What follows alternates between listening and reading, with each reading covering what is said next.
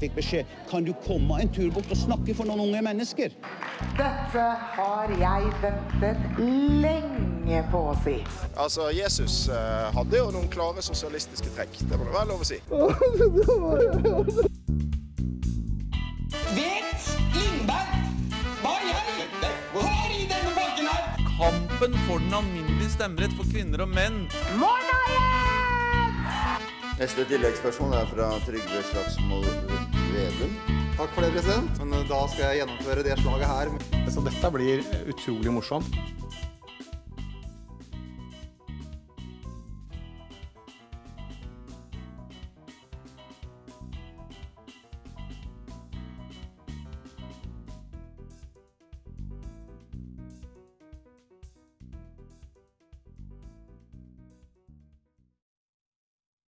Hei, hei, alle sammen, og hjertelig velkommen tilbake til en eh, splitter ny episode av eh, Bakrommet, nemlig Studentradioen i Bergen sitt innenrikspolitiske program. I studio så hører du meg, Astrid, i dag, og jeg er helt, ikke helt alene, heldigvis, for med meg så har jeg Olav. Og Karina. Yay! Dream team. Litt sånn sliten eh, gjeng som møter opp. Det er mye om dagen, men hvordan går det? Nei, det går greit. Har fått liksom en eksamen unnagjort nå, så det begynner på en måte å slake seg litt ut. Men det er jo så mye som skjer ellers òg, så man er litt sånn eh, i svime og gleder seg til sommeren. Ja, du da, Olof? Nei, jeg kjenner at det er omvendt fra Karina. Jeg har alt igjen. Jeg har to eksamen pluss 17. mai. Eh, Ja, den ja, okay, ok. Det er den eh, beste eksamen. Og uh, bacheloroppgave i tillegg. Så um, Nei, men det har vært noen intense dager her. Ja, det er godt vi kan samles her i dag, da. og Ja, ha det litt exakt. gøy. Ja, fnisegjengen. Fnisegjengen på plass. Eh, men eh, Med deg, da? Med meg går det fint. Jeg hadde eksamen i går. Eh, litt, sånn, litt sånn tom. Eh, men eh, veldig godt. Jeg har bare en liten prøve igjen, så jeg har nesten sommerferie. Oh, Så deilig. veldig deilig. Men eh, vi tar ikke helt sommerferie i dag, Fordi hva er det vi egentlig skal prate om i dag, Olof? Ja, først og fremst så skal vi gå inn og prate litt om SP. Mm. Eh, Det har kommet noen beskjeder om at regjeringen har gitt um, ganske mange milliarder i tilbud til bøndene og Bondeforbundet. Det har jo vært som SPs største valgsak egentlig i i 2021. Absolutt. At de skal liksom gjøre det enklere og bedre for bøndene. Mm. Eh, men sen så har jo de også fått litt effekter på meningsmålinger, som en omvendt effekt, at det går litt eh, lavere. Absolutt. Eh, hva mer skal vi snakke om, Karina? Eh, nei, ellers så blir tema for episoden eh, 'Kvinner i politikken'. Et litt eh, historisk blikk med våre statsministre vi har hatt som kvinner. Eh, og egentlig litt sånn hvordan kvinner har vært i politikken det siste. Ja, og så skal vi ta en liten titt på uka som har gått, med de aller viktigste nyhetssakene som har poppa opp på VG. Men før vi gjør det, så tar vi en liten pause, og så er vi straks tilbake. Mitt navn er Lynn Kristin Enge, og du lytter til Bakrommet på Studentradioen i Bergen. Da er vi tilbake her i studio, og nå skal vi ta en liten titt på ja, uka som har eh, gått, eh, egentlig. Og Olof, hva er det som har prega nyhetsbildet denne uka her? Ja, eh, vi, jeg tenker vi skal skissere på litt eh, både nasjonalt og regionalt. Absolutt. Her i Bergen eh, får jo de fleste vente seg å ta elsparkesykkel og gå. Ja. Eh, med tanke på at under dagen, klokka 00.00 i natt, Mhm. så skal da Fackforbundet ja. eh, sammen med arbeidsgiverorganisasjoner har nått en deal for de som jobber med kollektivtrafikk. Absolutt. Eh, annars så blir det streik, Ja. eh, og da kan folk glemme å ta Bybanen hjem fra byen i helgen. Og hva tenker vi om det? Nei, jeg er veldig stresset i forhold til at jeg skal jobbe i helgen. Ah, det er litt eh, Det er ikke bare å tusle opp på jobben der, det er et stykke. Så jeg, Ja. jeg, begynte å tenke sånn Hvordan skal jeg liksom komme meg rundt, da? Men det er jo på en måte på våre Altså, det er jo kjipt at det går utover oss, men det er jo på en måte en faktor ved at eh, Som et forhandlingsmiddel, sant? Absolutt. At de skal vise sånn deres reelle oppgave for at de som styrer kollektivtrafikken, på en måte hvor avhengig vi er av de for å på en måte komme oss rundt i hverdagen. Ja, fordi jeg tenker jo i, i en by så er det jo svært få som egentlig bruker bil. Fordi man, det går jo raskere å ta kollektivt, og spesielt med tanke på studenter og sånt noe. Ja, framfor alt tenker jeg en by som Bergen, Ja, som ikke ikke anpasset, sant? Bergen er ikke anpasset for at biler skal Nei. være i sentrum. Nettopp. Så hvis vi da på en måte ikke får kollektivtransport, da er det ganske mange som ikke kommer seg av eh, gårde. Så vi får kanskje håpe at uh, det blir et argument for at de skal få en uh, bedre lønn, da, rett og slett. Ja, vi har følt at når det kommer til streik, vi var jo inne på det for noen episoder siden, at når industriarbeiderne Ja. var i forhandling som det første, liksom årets første hva skal man si, forhandling, Mm. og at det blir jo ofte så at de truer med streik, og sen så har jo ikke arbeidsgiverorganisasjonene noe valg. Eh, NHO og alle de, liksom, det er sånn, ja, men da får man gi høyere lønn, Ja. for at konsekvensen av at folk ikke er arbeid, blir enda større enn å høye lønnene, tenker jeg. Absolutt. Men det blir jo en veldig sånn liten bagatell, da. Når man ser på alt det andre som skjer i verden om dagen, så blir det jo litt sånn der at vi skal sitte og streike for lønn. Men det er jo en veldig viktig sak for de som jobber innenfor kollektivtrafikk, så jeg ser jo veldig godt poenget. Men eh, vi får kanskje håpe at det ikke skjer, Karina, sånn at du kommer deg på jobb. Ja. ja, nei. Ja, ja, altså sånn, det er jo så mange linjer, og så det er utenfor Altså, det er andre byer òg, sant. Så Ja, mange ja, ja. linjer og eh, strekninger som vil bli påvirket. Så eh, Nei, får håpe de fikser det. ja. Vi får følge med i kveld. Men uh, er det noe annet viktig som har skjedd denne uka her som vi også bør uh, ta en liten uh, titt på, eller? Ja, men litt som jeg nevnte her i introen, så har jo da regjeringen kommet med et forslag på Mhm. Eh, bidrag, støtte, penger til eh, bøndene og landbruket Ja. eh, på ti og en halv miljard. Mm. Jeg tror Bondeforbundet krevde om det var 11 eller 12. Ok. Eller en halv. Eh, ja, men det er jo veldig mye pengar. Veldig mye penger. Eh, og jeg har sett at det har jo vært eh, veldig, en del kritikk fra Høyre at det er sånn Selvfølgelig må vi ha et eh, godt landbruk, men det er Vart tar man de her pengene ifra? Mm. Ehm, men jeg, jeg tenker det her har jo vært SPs største sak og viktigste sak Absolutt. eh, under lang, lang tid, så det er jo kanskje ikke en sånn sjokk med tanke på at mange av de som stemte SP i, i stortingsvalget, er, bor på, på landsbygden. Nei, og det har jeg merka litt der jeg kommer ifra, da, og mange bønder og mye garder generelt. Eh, at det er mange liksom som har engasjert seg i den saken om at ja, bønder trenger støtte. Vi trenger lønn. Skal man produsere mat, så kan man ikke gjøre det gratis. Men så er det jo også viktig å trekke inn her at eh, det også har vært litt kritikk, eh, i hvert fall jeg har hørt der jeg kommer ifra, med tanke på at mange bønder også har andre gode jobber ved si. Så man kan jo diskutere litt sånn der eh, hva, hva vil det si å være bonde i dag? Er det å være bonde hele tida? Eller har du en jobb på sida? Liksom, Karina har noen tanker rundt det, med tanke på at vi får et, en så stor sum da, til bøndene nå? Eh, men det kan jo være på en måte at det med at de har jobb ved siden av, skylder av at det er ikke et, Mm. kanskje et levbart yrke som det er nå. Uh, og vi ser jo egentlig bare alle måte, demonstrasjonene de har hatt i det siste, der de har følt at de ikke har blitt hørt i Stortinget, og har liksom ikke fått de midlene de har selv ønsket. Så jeg tror de er jo veldig glad for de midlene de har fått nå, Mm. selv om måte, det er litt under det de ønsket seg, men det er jo et svært hopp fra det de har fått de tidligere årene. Absolutt. Men tror du at, eller tror dere ikke at um, det som skjer nå, kan være med å gjøre at kanskje flere har lyst til å satse på gårdbruk og ja, gjøre bonde til en mer til, bedre tilværelse da, enn det er i dag? Eh, jo, absolutt. Men det jeg tror også er viktig, og nå er jeg ikke så exakt innsett hva alle pengene skal gå Nei. til, men är ju kanske att de här pengarna ska inte bara vara ett bidrag som man ger i stötte, Nej. utan man kanske måste använda de pengarna till att göra så att man kan, faktiskt kan leva Mm. på att vara en bonde 100%. Absolut.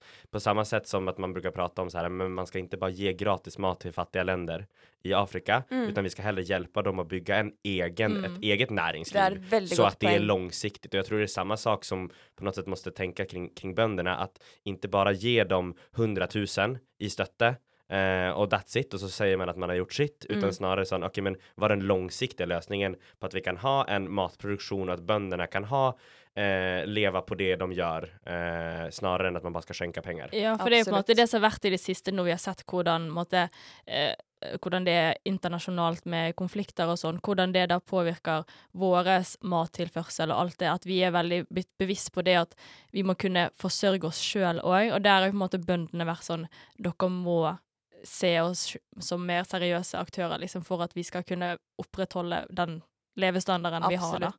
Det er veldig god poeng, og jeg tror vi bare må gi oss der. fordi noe som ikke er like langsiktig, det er eh, Senterpartiets meningsmåling nå om dagen. Og den skal vi ta en liten titt på når vi kommer tilbake etterpå. Hei, jeg heter eh, Espen Barth Eide, og du lytter nå til eh, Bakrommet på Studentradioen i Bergen. Da er eh, jeg, Astrid, Olof og Karina tilbake, vi. Og eh, nå skal vi ta en liten titt på mm, ja, egentlig Senterpartiets skjebne. Fordi tidligere denne uka her så kom NRK med et liten eh, ny meningsmåling eh, angående de norske store partia. Og på den meningsmålinga så går Senterpartiet ganske kraftig tilbake. Gjør de ikke det, Karina? Jo, de går vel nesten ned eh, 2 her. Eh, og det er jo litt Altså, nå vet du ikke helt når denne her var før. Det var jo sikkert før de kom med Mm. disse bondeoppgjøret, Ja. Eh, så der har jo de på en måte kanskje mistet litt stemmer i forhold til at Jeg vet ikke egentlig hva Senterpartiet har gjort i det siste som har vært Det har ikke vært så mye populære hendelser ut ifra dagens regjering, da. Nei, og jeg har også fått et inntrykk av at ikke Trygve Slagsvold Vedum er en så populær finansminister heller. Nei. Altså, det er liksom blitt litt sånn at Senterpartiet er ikke så populært om dagen, rett og slett. Eh, Olof, hva tenker du rundt det? Nei, men jeg tenker at det kjennes som at de har blitt litt anonyme. Mm. Man var så ekstremt fast besluttet om at man skulle inn i regjering Ja. med Arbeiderpartiet. Og sen har man jo pushet veldig mye for det med landsbygd, kommunal og distriktspolitikk. Og det tar jo lang tid å drive gjennom sånne saker. Men sen så kjennes det som at jeg vet liksom ikke hva annars i regjeringen som man pushar för. Och jeg føler Nei. også at Trygve Slagsvold Vedum blir litt sånn anonym. Jeg vet liksom, jeg ser ham ikke. Den, altså jeg føler at att den Senterpartipolitikeren man ser mest av er jo justisministeren. Absolutt. Og før valget så var vi jo nesten der at eh, Ja, man var på tanken da med at Trygve Slagsvold Vedum kunne potensielt sett blitt statsministeren i Norge, liksom. Mm. Og nå går det så ned, da. Det er jo liksom fra Men- veldig topp til bunn. Ja, nei, men jeg har også begynt å lure på om det kan komme med at de kanskje vil trekke seg litt tilbake nå, med tanke på liksom skandale som var de siste ukene, altså Ja. sånn i april, da. Med litt sånn avgåing av ministre på her og Absolutt. Om det kan være en faktor, da. Det er veldig sant. Eh, og han har jo også uttalt, da, Trygve, eh, til NRK at liksom, han mener at det er en dårlig måling, selvfølgelig. Eh, men så sier han at men det viktigste nå er å gjøre jobben, rett og slett. Mm. Eh, tror dere at eh, Senterpartiet kan komme sterkere tilbake nå ganske raskt, eller vil det ta litt tid? Jeg tror at altså, tiden ganske ganska raskt. Det er alltid liksom relativt i politikken. Det tar jo, det tar jo litt lang, lang tid å få gjennom store beslut og det store reformer. Men ehm, alltså börjar de leverera på sina, eh, vad ska man säga, valglöften Ja. så tror jag att de kan börja komma tillbaka och på något sätt bygga upp ett förtroende framför allt i distrikten. För man säger ju att Centerpartiet är ju kanske inte så stora i byarna Nej. utan mer ute i landet. Absolut. Eh, men eh, som, som alla andra regeringar så blir det ju oftast att de på landsbygden blir lite bortglömda. Mm. Fokuset är i de stora byarna och då har ju Centerpartiet lovat att den regeringen ska vara nog helt anledes. Och så kommer man inn i regeringen og så er det litt sånn same same but different. Men jeg tror at uh, man måste börja se markant skillnad framförallt ute på landsbygden för att de ska kunna komma tillbaka. Jag menar de låg ju upp mot 20 procent för en och ett Ja, ja, de var sedan. kjempestore, og nå er de Nå er de jo på på, bunn. Ja. Ja. Eh, hvis vi ser litt ellers da, på den eh, partibarometeren, så går jo Arbeiderpartiet eh, ganske mye Det er egentlig veldig overraskende Ja. at, at de to regjeringspartiene er så forskjellige på meningsmålingen. Ja. Altså sånn hvor lenge Arbeiderpartiet har vært på en måte, et upopulært parti siden de kom inn. Så jeg, jeg vet ikke hva som har skjedd, at det har snudd. Nei, Olof, tenk, har du noen tanker rundt det? Uh, ja, eller tanker Det her er vel snarere informasjon som har gått på. Jeg Ja. det er litt Sampol, men jeg tror en, en avgjørende faktor, det her ser man samme sak i Sverige, Mm. uh, og det er krigen i Ukraina. Ja. At når det blir kriser så tenderer folk att ty sig till de større partiene. Ja. Mm. Eh, og jeg tror at det kan ha en veldig avgjørende ehm, fakt- vara en avgörande faktor. Absolut. Just för att så här, när det är ett krig, vi är i en orolig situation, Ja. så är man sån, okej, men då är det, vem vill vi ha som statsminister, vem tyr vi oss till? Ja. Och då är de två liksom motpolerna, det är antingen Höjre eller Arbeiderpartiet. Ja. Och sen så Mm. kommer de små partierna ganska i skymundan. Mm. Eh, og det blir ju ganska naturligt, det förstår man ju. Att man på något sätt, vem är statsmannamässig och vem är potentiell eh, regeringschef Ja. Det er et veldig godt poeng. Og det er en veldig spennende diskusjon, eh, men den tror jeg vi må ta litt senere en gang, fordi vi må gå litt videre i programmet.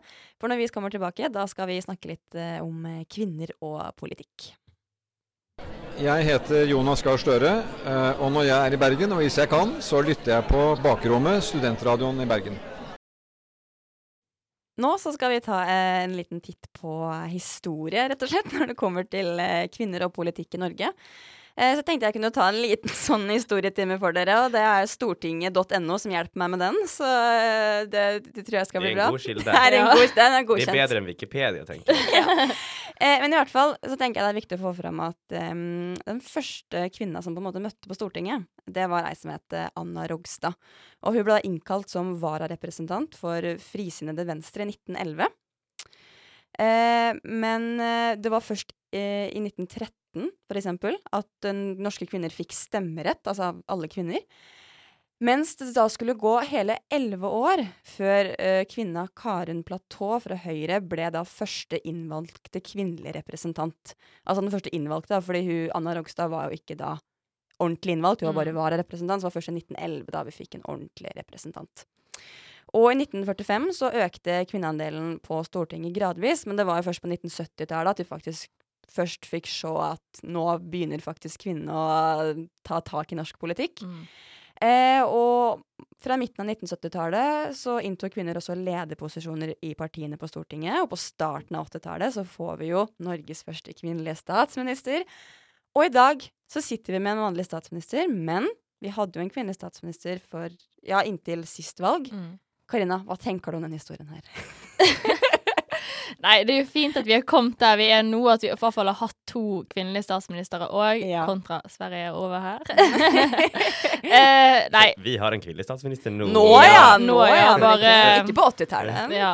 Nei, altså det er jo kjempefint at alle de har banet vei. Jeg bare tenker på en måte eh, hvordan det har vært for de første kvinnene, der du er den eneste kvinnen som sitter der på Stortinget. Du hadde vel kanskje ikke så mye å skulle sagt i gutteklubben-greier der, Nei, liksom. det tror jeg var lite. Eh, nei, så jeg syns det er jo kjempegøy at vi har kommet der vi er i dag, og vi har jo fortsatt, som vi har nevnt tidligere, vi har jo fortsatt en vei å gå. Mm, absolutt. Eh, og det var jo først faktisk i 1973 at eh, ei dame som het Toril Skard ble valgt som første kvinnelige president på Stortinget. Eh, Olaf, hva tenker du om det 1973? Det begynner jo å bli noen år siden, men altså ikke altfor lenge siden. Syns du utviklinga har gått fort, eller har det tatt for lang tid, rett og slett? Alltså, det, jag tänker när, när, när vi sitter här idag 2022 Mm. så är det ganska enkelt att säga att man tycker att allt har gått för långsamt. Mm. Eh, alltså som man tänker ju, eller man önskade ju att eh, eh, allt hade gått mycket raskare. Mm. Eh, men eh, på något sätt så är det ju som Karina är inne på så är det en kamp och på något sätt försöka slå sig in bland eh, Gutta Boys på Stortinget på 1920-talet och 1930-talet. Så um, Alltså når det kommer til just det, med stortingspresidenten så Mm. jeg, jag ganske ganska tenker jeg. Mm. Alltså det er ikke så på något sätt vad ska man säga för det er en viktig stilling å ha. Mm. Så om man ser på utviklingen så känns det som at da Norge er ganske i framkant kontra andre län- länder kanskje med Absolut. den typen, även om statsministeren statsministern inte kom förrän på 80-talet så Mm. så 70-talet er jo fortfarande Ja, alltså det är ju bra. Man hade ju önskat att det var färre, men altså, det är ändå ganska tidigt. Eh, vi ser jo også at mange av de kvinnene som på en måte har vært med på banevei, har jo vært ganske høyt eller godt utdanna kvinner. De har hatt en ganske god posisjon i samfunnet. Og det er jo kanskje litt først de seinere åra at vi har sett at kanskje enda flere kvinner fra flere lag i samfunnet, eh, men også med en flerkulturell bakgrunn, har kommet inn på Stortinget og i lederposisjoner. Og Karina, hva tenker du om det? Er det, veldig, det er veldig viktig at det har skjedd, men hva tenker du om framtida? Tror du du kommer til å se enda mer av det da? Ja, altså det tror jeg på en måte med at jeg vil følge utviklingen i samfunnet. Også som vi var inne på når vi snakket om eh, diskriminering og litt sånn. Absolutt. Og altså at måte eh, og Det med å se representasjon Mm. av seg sjøl, og måte at andre òg kan se at OK, her er det noen som matcher på en måte meg. Med at man har innvandrerbakgrunn, eller kommer fra Kanskje ikke man har den høyeste akademiske utdanningen, men at det fortsatt er rom for de type kvinner òg. Det har jo Mm. sikkert vært det at måtte, for at kvinner skulle matche mennene, så må vi liksom være på toppnivå, sant? for at de i det hele tatt skulle høre på oss. Så da er det på en måte det at man får se den representasjonen, og det da med at én og én får mer og mer makt, at da baner du vei for hverandre, da. Det er veldig sant. Og jeg tror vi kan være veldig glad og fornøyde for at de kvinnene som har kjempa for norsk eh, kvinnepolitikk, og generelt norsk eh, kvinneandel på Stortinget, har gjort en veldig god jobb. Eh, og derfor så tenkte vi at i det neste stikket så skal vi rett og slett hedre våre to kvinnelige statsministre. Men før det så skal vi ta en eh, liten pause, og så er vi straks tilbake. Mitt navn er Bjørnar Moxnes. Espen Barth Eide. Jonas Gahr Støre. Audun Lysbakken. Sveinung Rotevatn. Peter Frølik. Og du lytter til Bakrommet på Studentradioen i Bergen. Da er vi tilbake her i studio, og nå så skal vi rett og slett ta og prate litt om de to norske kvinnelige statsministrene som Norge har eh, hatt. Og det er jo da nemlig Gro Harlem Brundtland eh, og Erna Solberg. Og hvis vi begynner med Gro Harlem Brundtland, da, som ble for første gang valgt inn som statsminister i 1981. før hun så var statsminister fra 1986 til 1989. Og til slutt var fra 1990 til 1996. Karina, eh, hva har du lyst til å si om eh, Gro Harlem Brundtland? Nei, hun er jo landsmoderen Ja. vår, sant? så hun er jo på en måte ja, ikke, Man ser jo opp til henne. Det er jo kjempesterkt det hun gjorde på den tiden der, Mm. og at hun banet vei, som vi har sagt, for Ja. kvinner, og kom liksom med den på en måte mer kvinnedominerende regjering Ja, på den jo- tiden òg, Ja, for det er veldig viktig at du sier, fordi jeg tror hennes regjering ble jo kalt en av de første eh, verdensregjeringene som liksom inneholdt veldig mye kvinner, da. Det var veldig fokus på kvinner. Mm. Nei, så Nei, hun er jo veldig flink, og det er jo ganske Det er litt sånn forskjell da på de to vi har hatt, da. Men jeg opplevde hun som en Eller jeg har ikke opplevd hun som en leder når jeg levde, men at det, hun anses som en karismatisk og god lederfigur. Absolutt. Jeg syns du ser ut som en veldig snill person. Ja. Eh, hun var jo utdannet, eller er utdanna lege, og hun har jo hatt også veldig mange andre verv. Hun har annet vært leder i Verdenskommisjonen for miljø og utvikling, leder for Verdens helseorganisasjon. Ja, altså det er en dame med masse engasjement. Olof, hva, hva vil du si om det?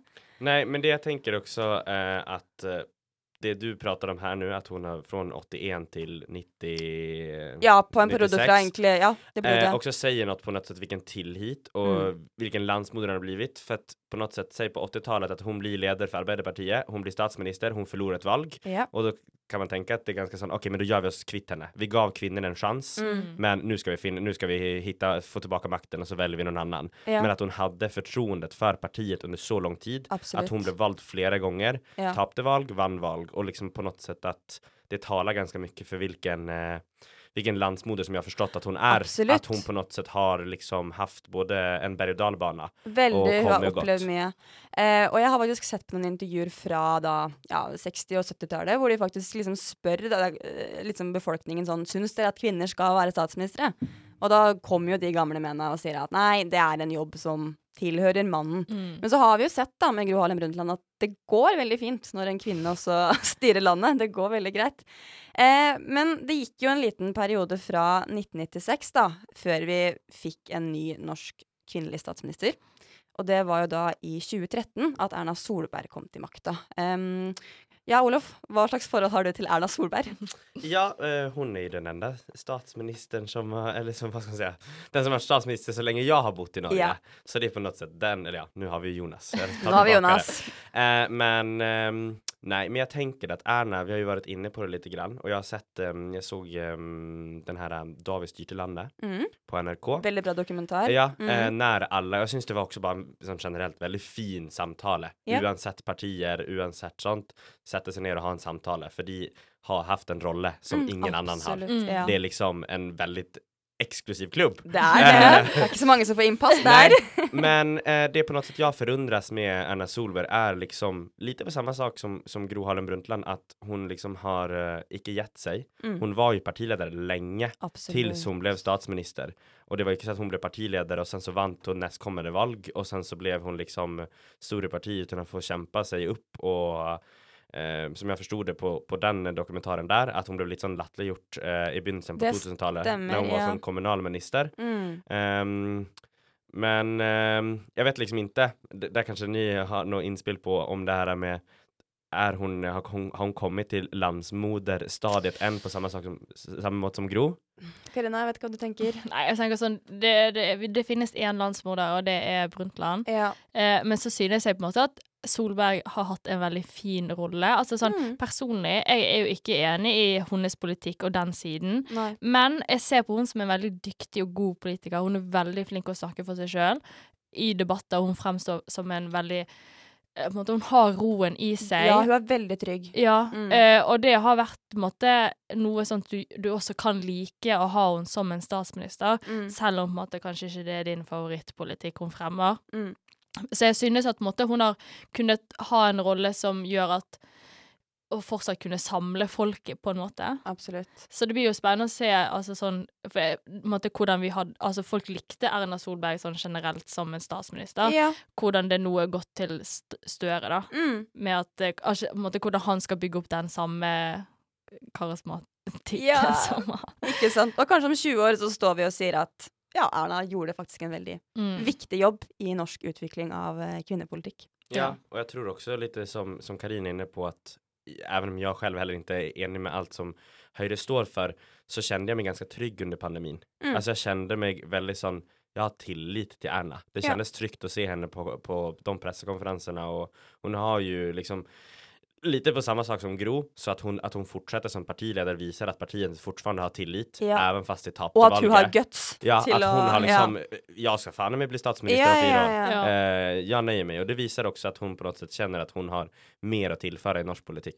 Det blir spennende å se da, eventuelt veldig hvem som eh, Om det kommer en ny kvinnelig statsminister, da, om, om at ikke det blir liksom 30 år til neste gang heller. Ja, vi får ta frem spåkula, spåkula vår og så spå litt. Men eh, vi må nesten avslutte der. Mm. Eh, men etterpå så skal vi prate litt om eh, hvordan situasjonen er i verden med kvinner og lederstillinger.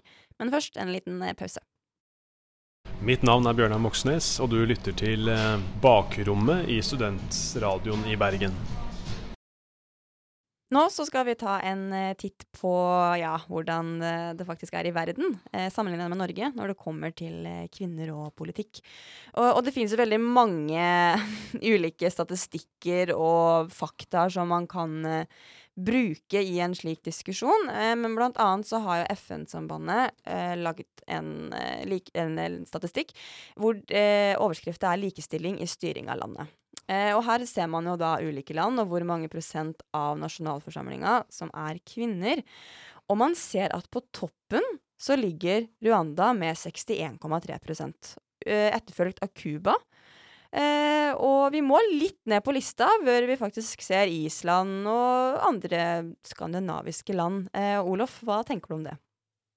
Nei, det, liksom første anblikk så kjenner man sånn ja oi, man tenker at vi skal være så himla liksom i bräschen och kommit eh, långt fram. Nu ska man liksom inte vara fördomsfull, men med tanke på liksom att för exempelvis i Norge så har man haft en kvinnlig statsminister sedan eh, 80-talet, Ja, eller den første, da. Første, ja. ja. Um, så um, nej, jag syns det er veldig bra. Mm. Uh, det hadde kanskje vært mer skremmende enn om det, man hadde sett at um, hva skal man si, forskjellen for eksempelvis vestverden til andre deler av verden var extremt, extremt uh, stor. Mm. Eh, men sen så tänker jag att eh, för exempelvis i Afrika så är det säkert en del ehm, en ganska stor klyfta där mellan land til forskjellige land.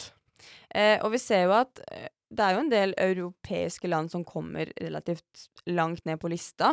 Um, Karina har du noen tanker om det, at liksom Europa blir ofte trukket frem som en verdensdel som har veldig godt uh, utvikla politisk system, men statistikken viser at vi har en liten vei å gå, da. Ja, nei, men Jeg har blitt interessert i det med at du ser gjerne klassiske sånn u-land, da, og litt sånn Ja. at de har kanskje hatt mer sånn at de har hatt en kvinnelig leder, eller i, i bresjen, da.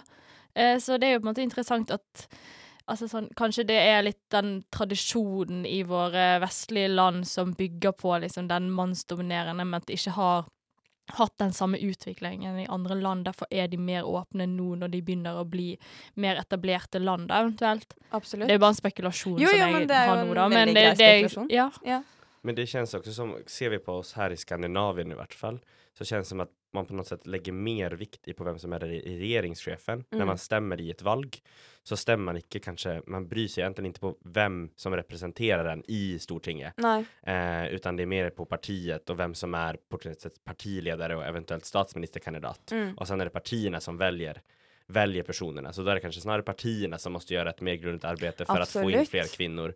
Eh, för jag menar när jag röstade i senaste riksdagsvalget så kryssade jag liksom bara på toppkandidaten Mm. på det parti jag stämde på. Mm. För jag var såhär, okej men jag är alltså inte så insatt i vad den, eh, den, den personen står för och den personen står Mm. för. Och där är vi ju väldigt utvecklade med, i, i Skandinavien med, Absolutt. med kvinnliga regeringschefer och eh, statschefer. Og vi har en liten Sverige-ekspert her nå. Dere fikk jo Dekk fikk jo en kvinnelig statsminister nå ganske nylig. Um, men hvordan ellers føler du at eh, kvinnebestanddelen er i ja, deres nasjonalforsamling? Er den OK, eller burde den bli bedre? Jeg tror at den er ganske likt med Norge. Jeg har Ja. ingen statistik på det. Ehm, men um, på noe sett så um, tror jeg at det var veldig viktig uh, at vi fikk en uh, kvinnelig statsminister. Mm. Och på noe sett det som sjokkerer meg, er egentlig at Sverige ikke har haft det. At vi er så Det er litt efter. rart. Altså, Norge og Island hadde det på Ja. 80-talet. Uh, og jeg mener på noe sätt många säger, okej nu ska jag inte, men, men många säger som Sverige är ju liksom, vad ska man säga, det stora landet i Skandinavien. Det är ju det. Eh, Mm, det är och, och liksom eh, är ju liksom störst med befolkning och med ganska mycket. Mm. Och då tänker man att då borde vi ju kanske också ha valt en kvinnlig statsminister. Eh, men det har vi inte. Det har varit eh, vita äldre män som har suttit vid makten i, i väldigt, väldigt många år. Ja. Ehm, och för mig, det jag är väldigt upptatt av då, är ju på något sätt att ehm, och håper att hon blir genvald, för nu Absolut. hon blev ju vald av partiet Mm. för Ja. att statsministern track sig. Ja. Eh, och vi har ju val till hösten. Okay, eh, Så det blir spännande att se om faktiskt befolkningen väljer henne som statsminister. För nu är det egentligen inte befolkningen som har valt Nej. henne, Nej. utan det är partiet som har valt henne som ledare och så blir hon då Så automatiskt statsminister. Men nu så ska hon ju ställas mot, hva vad ska man säga, eh, ställas mot befolkningen Aha, eller det upp, blir upp, till, eh, upp till befolkningen och se Ja. om man, man liksom på något sätt eh, har fortroende for henne som statsminister. Det tror jeg vi må ta en uh, titt på når den tid kommer til høsten. Uh, vi må nesten gi oss der. Uh, og når vi kommer tilbake, så skal vi gjøre et lite morsomt stikk, synes vi. For da skal vi snakke litt om hva slags ja, regjeringspost vi ville hatt. Uh, om vi skulle vært i När regjering. vi kommer til regjering. Eller? vi kommer til regjering. Vi, vi snakkes da. Bakrommet for regjering. Hei, jeg heter Tobias Strandskog, og hver fredag hører jeg selvfølgelig på Bakrommet. Da har vi kommet til eh, det siste stikket i denne episoden av Bakrommet. Og det har jo vært litt eh, travle dager og uker for oss alle nå, så vi tenkte å ha et lite morsomt element eh, inn i denne sendinga her.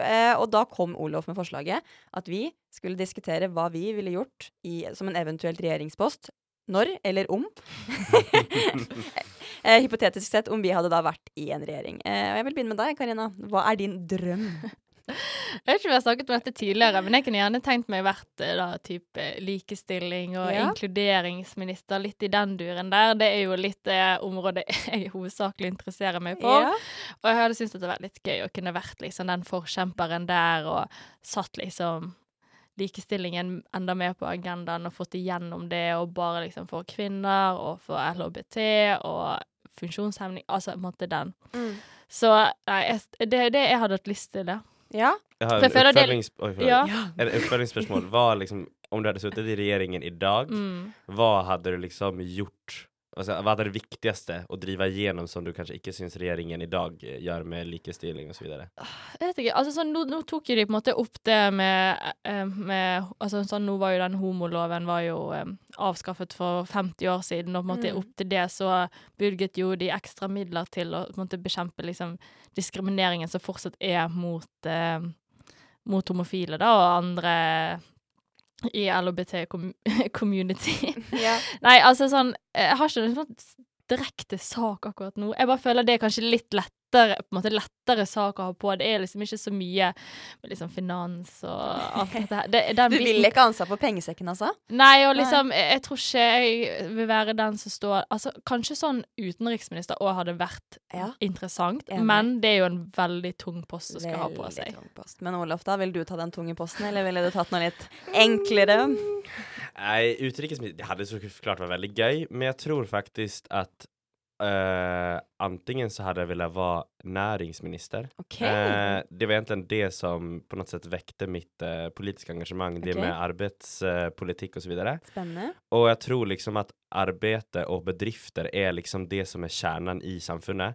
Det er så vi får inn folk i arbeidet, folk som kommer hit fra andre länder, så som de blir inkludert, har veldig mye med arbeid å gjøre, og Mm. må vi liksom fremme eh, næringslivet og på Mm. sett sätt ännu mer innovation. Så antingen sånn jeg syns eh, jobben til Jan Christian Vestre hadde jeg gjerne kunnat tatt. Ja. Eh, eller sånn eh, arbeidsminister. Noe med på noe sett jobb Å få unge jobb og liksom legge Ja. til rette for att för att alla ska ha ett jobb att gå till och tjäna egna pengar. Ja. Som meg og Ola skal samarbeide der. Dere Ja, skal lage en liten sånn skal- eh, gutteklubben-grei der, rett ja. og slett. Ja, Astrid. Eh, nei, jeg syns egentlig det er vanskelig. Jeg skal ikke legge skjul på at jeg som ung drømte om å bli statsminister. Lagt det litt bort, for å si det sånn. Eh, men egentlig, jeg kunne litt eh, Enten helseminister, kanskje, eller kulturminister. Du er jo tannlegestudent, så det passer jo Men jeg tror det handler litt om at jeg alltid har vært veldig, veldig opptatt av at det blir jo litt sånn som deg, da, at alle skal ha det bra og føle at man på en måte blir verdsatt. Og helse er jo et veldig viktig element i at befolkningen har det bra. Og helse betyr jo veldig mye òg. Det er jo alt fra sjukehus til psykisk helse, liksom. Um, så det tror jeg kunne vært interessant. Men også det med litt med kultur. Uh, masse bra kultur som rører seg i Norge, som det er viktig å få fram. Uh, så jeg tror det også hadde vært spennende. Men for å være helt ærlig, jeg er litt usikker om jeg egentlig ville gått inn og vært i en sånn regjeringspost. Ja, for det er sånn, det er jo noen regjeringsposter som er mer utsatt for Ja. at Typ da hvis du blir helseminister og du må legge ned noe eller noe sånt. Det er Ja. veldig, Da er du den store, stygge ulven som gjør Ja. det. Mens på en måte andre poster er kanskje ikke så mye hvis du må gjøre noe upopulært. Og så blir du så Du blir så eksponert, da.